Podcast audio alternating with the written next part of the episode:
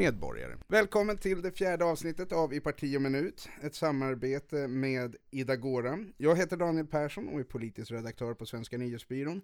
Med mig idag har jag Blanche Jan. Välkommen Blanche! Tack så mycket! Du är skribent och redaktör på Timbros nättidningsmedjan. Precis. Även i eh, Svenska nyhetsbyråns kretsar känd som bloggen. Det är korrekt. och vi är i gengäld kända som PK-media. ja, definitivt. Vi är ju då alternativa media.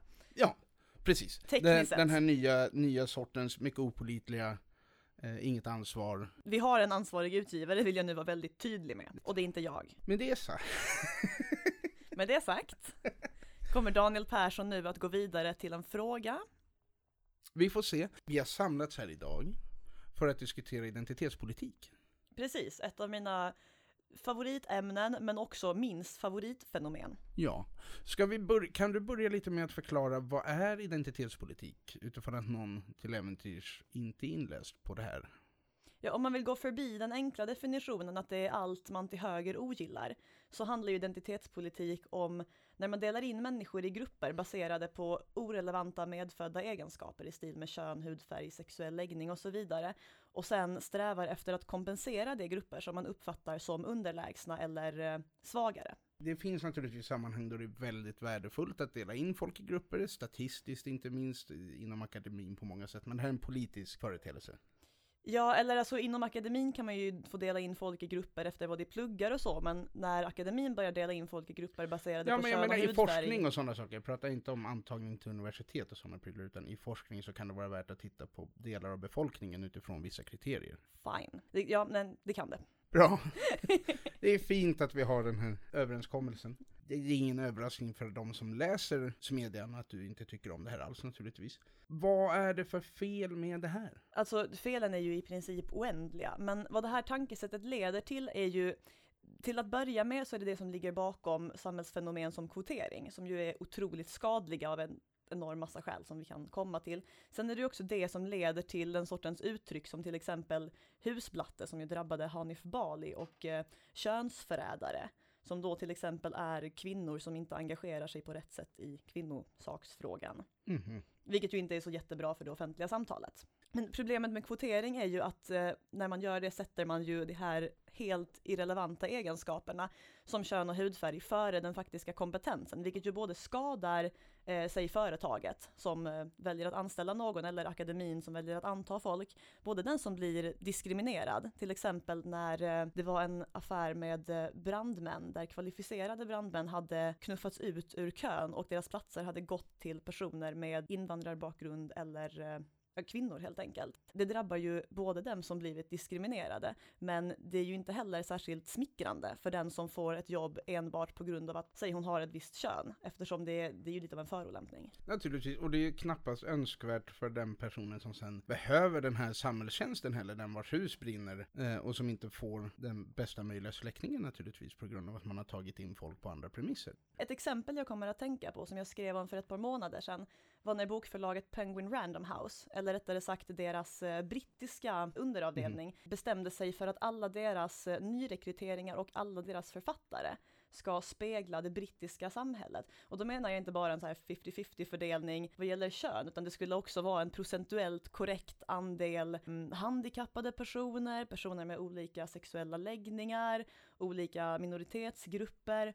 Eh, och det här får ju två typer av problem. Till att börja med så är det ju väldigt svårt att tänka sig att det varje år kommer vara lika många män och kvinnor som skickar in bra bokmanus. Det kommer bli väldigt kul att se dem försöka hantera när det blir fler kvinnor som skickat in bra bokmanus och det måste kvotera ut kvinnor. Men det leder ju också till att om den här principen skulle tillämpas mer allmänt, att ett förlag som bara ger ut fem böcker om året inte skulle kunna ge ut någon bok av en grupp som är mindre än 20 procent av samhället.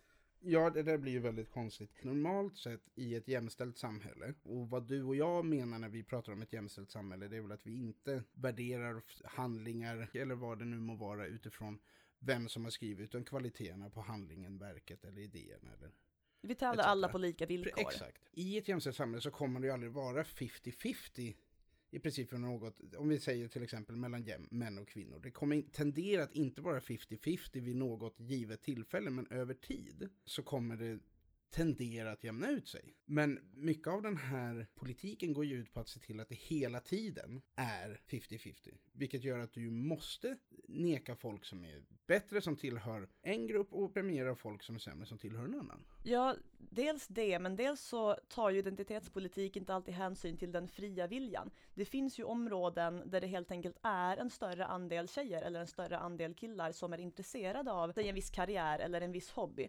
Mm. Och utifrån en identitetspolitisk analys så är ju det här ett problem eftersom man eftersträvar den här jämna fördelningen. Men om man har en mer eh, processmässig syn på det hela så är det ju fullt rimligt att om nio av tio som vill hålla på med dataspel råkar vara män så gör det ingenting så länge det är deras fria vilja. Absolut. Eh, jag kommer till exempel att tänka på ett svenskt exempel på det här, nämligen Skolinspektionens granskning av hur förskolan arbetar med jämställdhet. Den kom förra året och den har bland annat eh, den här fantastiska meningen i sig. Personalen vid ungefär hälften av förskolorna vägleder inte pojkar och flickor så att deras möjlighet att prova olika miljöer och material breddas och varieras, särskilt inte i den fria leken. Det uppfattas alltså som ett problem att vägledningen i den fria leken inte är tillräcklig, så att det är lika många pojkar som leker med dockskåpet och flickor som leker med... Det får vi inte ha krigsleksaker, eller hur? Nej, det tror jag inte, nej. Det, det, låter osannolikt. Traktorer kanske? Nu baserar jag det här på min uppväxt på den skånska landsbygden. Rimligtvis. Men... Traktorer, bilar, säkerligen snickerileksaker, du vet sådana här hantverkarmässiga saker, en liten plastsåg, inte vet jag. Sure. Typiskt manliga saker. Flickleksaker är väl My Little Ponies, dockor, leksaksugnar. Ja, Sådana där matlagnings, hushållsskötsel liksom, ta hand om hemmet leksaker. Ja, precis. Eh. Och grejen är att det är ju inte som att det är killar som är intresserade av sådana leksaker, vilket ju inte alls är ovanligt, har möjligheten att vara där. Precis som ingen hindrade mig från att leka med små plastdinosaurier när jag gick i dagis. Ja, och ingen hindrade mig från att hoppa hage. Men då är ju då problemet att inte tillräckligt många Daniel Persson hoppade hage och inte tillräckligt många Blanche Jarn lekte med plastdinosaurier. Det känns som att vi sitter på lösningen här någonstans. Du, fler, fler, fler, du och jag. ah, du tänker så? Ja. Och där har vi det lite grann. The eh, world is not big enough. Det är sant. det är helt riktigt. Nej men det, det, det här är ju så, det, när problemet är att man inte har väglett barn till att leka fritt på rätt sätt, då har man ju ett problem med, med sitt angreppssätt. Så, så långt kan vi konstatera. Ett annat problem jag skulle vilja ta upp som är, som är anknutet till just det här med kvotering och att tänka på människor som representanter för grupper snarare än individer. Det är vad som eh, på engelska kallas victimhood culture och som mm. kanske enklast översätts till offerkoftementalitet. Eller, Eller offermentalitet. Jo men jag älskar verkligen ordet offerkofta okay. för det är så talande. Alltså så här, någon tar på sig den här självömkande koftan. Det är vad man gör när man självömkar, man tar på sig någonting fluffigt och tycker synd om sig själv liksom. Och det är ju lite det som vissa grupper nästan uppmuntras att göra.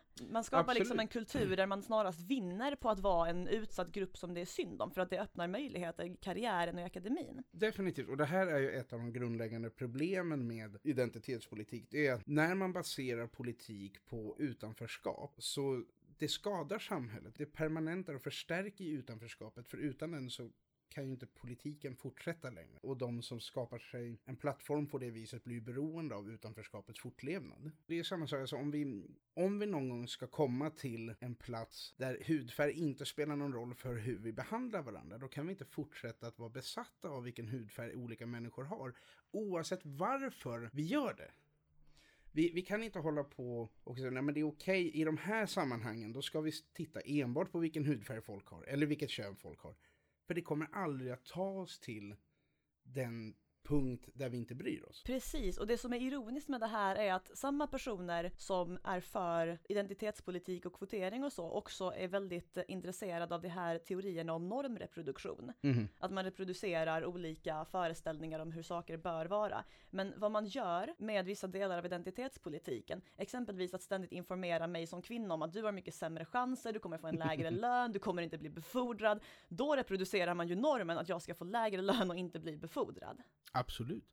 Och ger möjligen dig väldigt låga förväntningar. Ja, alltså jag börjar nästan tvivla på mitt framtida världsherravälde. Jag också, om det är någon tröst. Tack, det hjälper. det var meningen. Nej men så här, jag tror inte att det, eh, till exempel en ung flicka som växer upp idag behöver höra är att dina möjligheter är extremt begränsade att lyckas på grund av att du är kvinna.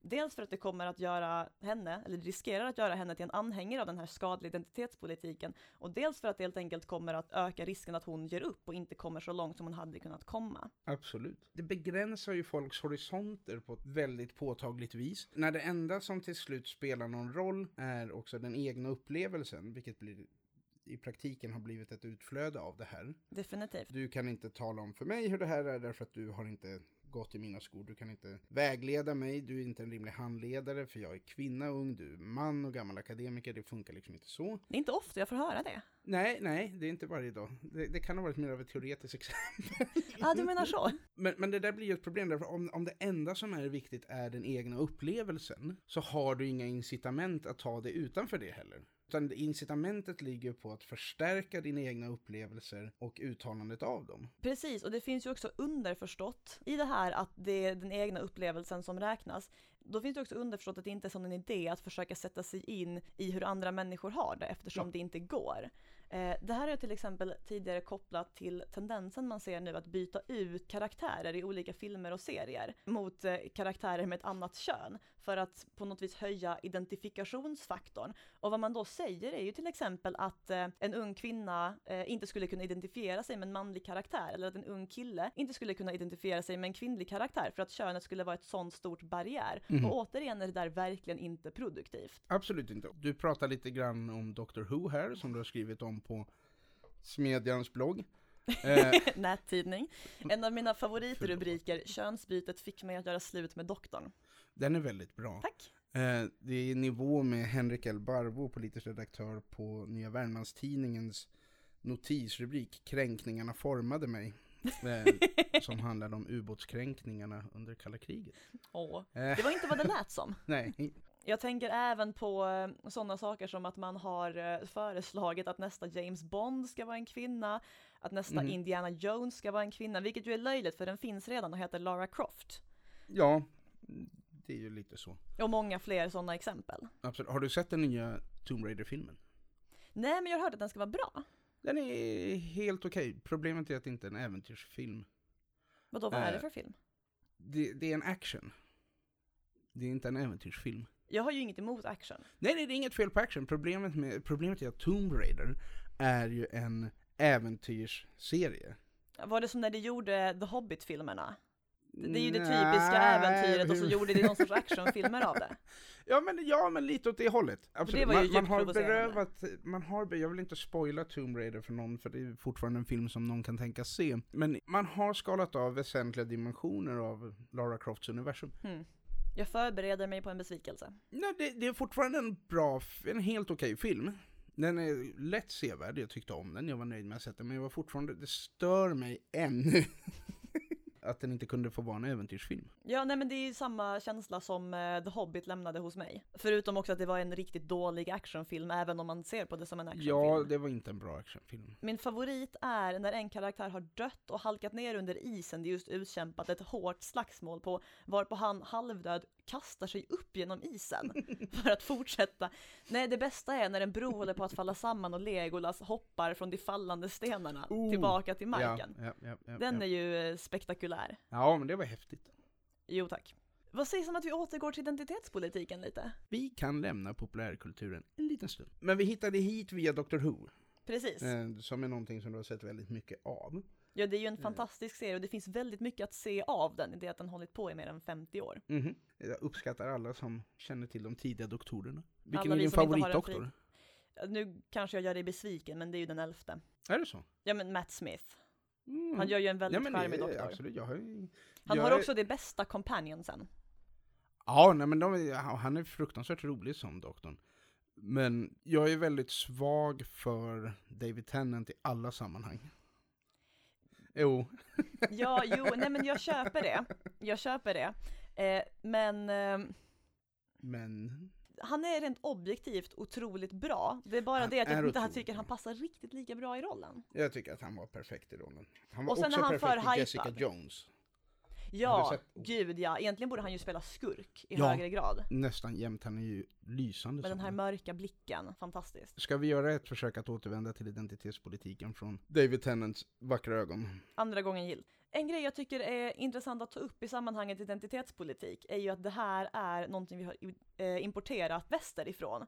Det här började i USA, det har spridit sig till Storbritannien och eh, eftersom Sverige är månt om att ligga i framkant vad gäller alla tänkbara dåliga idéer har vi varit snabba med att anamma det här. Så vill man ha skräckexempel på hur det kan komma att gå i Sverige eh, så kan man med fördel vända blicken mot eh, just Storbritannien och USA. Bland annat så, och det här är nog bara det senaste årets skörd av grejer jag har funnit anledning att skriva om, så har eh, brittiska universitet eh, gått så långt att man nu får sänkt betyg vid vissa av dem ifall man inte använder könsneutrala ord. Man tycker ju att det här inte borde vara relevant för vad man kommer fram till eller så, men det är alltså då en, en grund för att sänka någons betyg. Och det finns rörelser i stil med eh, avkolonisera kursplanen, eh, why is my curriculum white, tror jag är hashtaggen, som går ut på att det... Catchy.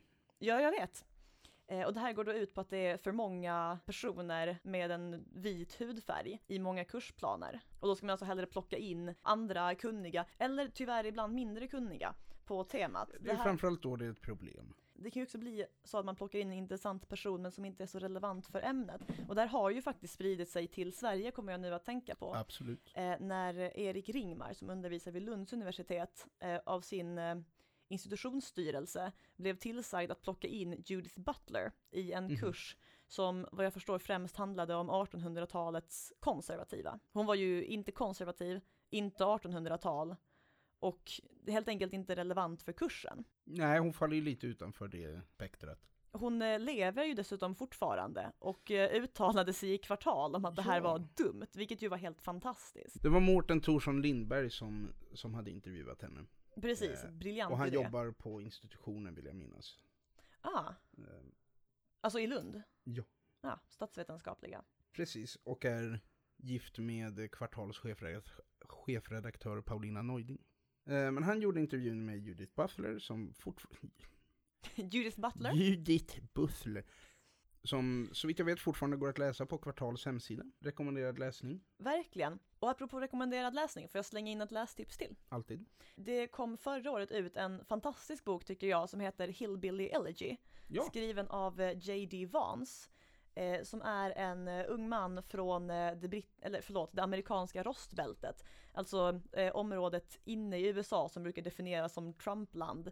Men som har, länge har präglats av ekonomisk tillbakagång och döda industrier och så här. mhm. Eh, och han eh, beskriver hur han kommer från just en sån bakgrund som får honom att betraktas som en svag grupp. Så här, han har en frånvarande pappa och hans mamma har alkoholproblem. Mhm. Problem i alla fall. Eh, fattig bakgrund, en liten by, ingen kunskap ens om hur man tar sig vidare i livet. Men han beskriver inte bara sin egen framgångssaga, för han har lyckats bli eh, Yale-utbildad jurist och kommit väldigt långt. Utan han försöker också diagnostisera varför det är så många färre från hans bakgrund som gör det än vad som borde vara möjligt. Eh, och han tar upp just det vi talade om tidigare, att man helt enkelt inte väntar sig att det går. Ja, Man upplever att man inte kan lita på media, man upplever att hela samhället är riggat mot en, för det är väl förmodligen då vad man har fått höra hela tiden. Och absolut. därför försöker man inte ens. Nej, det är ju samma fenomen som vi i mångt och mycket ser i svenska utanförskapsområden. Där folk upplever att de inte har någon chans i samhället trots att Sverige i den här meningen är ett väldigt öppet land. Högre utbildning står öppet för vem som helst. Det finns alla förutsättningar att ta sig fram och bli precis vad man vill. Och ändå upplever en stor del människor, särskilt då i de här områdena, att de inte har någon chans. Det beror ju mycket på att de har fått höra det från början. Och inte minst politiker som talar om för dem att de är strukturellt diskriminerade, de har ingen chans, de blir motarbetade i varje steg. Men faktum är ju att de kan ta sig fram om de vill. Precis, det händer ju att det här i eh, lite mer populistiska kretsar eh, porträtteras som ett problem att somliga helt enkelt är lata och vill få grejer levererade till sig Mhm. istället för att Mhm. anstränga sig. Och visst, man kan argumentera för att min generation har ett sånt problem. Det, det finns sådana människor, så, så långt kan vi säga. Så det, finns, det finns människor som är lagda åt det hållet, definitivt. Men på befolkningsplanet så är det ju inte det som är problemet. Nej, precis. Och den där tror jag det är en mycket mer relevant eh, förklaring. Just det här att man helt enkelt får höra så många gånger och så upprepat att samhället är riggat mot en. Hör man det tillräckligt många gånger så börjar man ju tro på det. Det är ju så det fungerar. Särskilt om du får höra det under uppväxtåren när du är särskilt formativ. Egentligen borde vi nu skicka ut det här poddavsnittet till alla skolor i utsatta områden som kompensation. Det låter sannolikt. Men vi lägger det på internet så kommer det dit också. Vi gör det. Eh, andra lästips, på tal om din arbetsgivare, så gavs det ut en bok för ett par år sedan som heter eh, Postmodernismens förklaring, tror jag. Just det, Eh, av Stephen Hicks. skepticism och, exakt. Väldigt bra bok. Jag har inte läst den sedan den kom. Jag tror att det är kanske tre år sedan.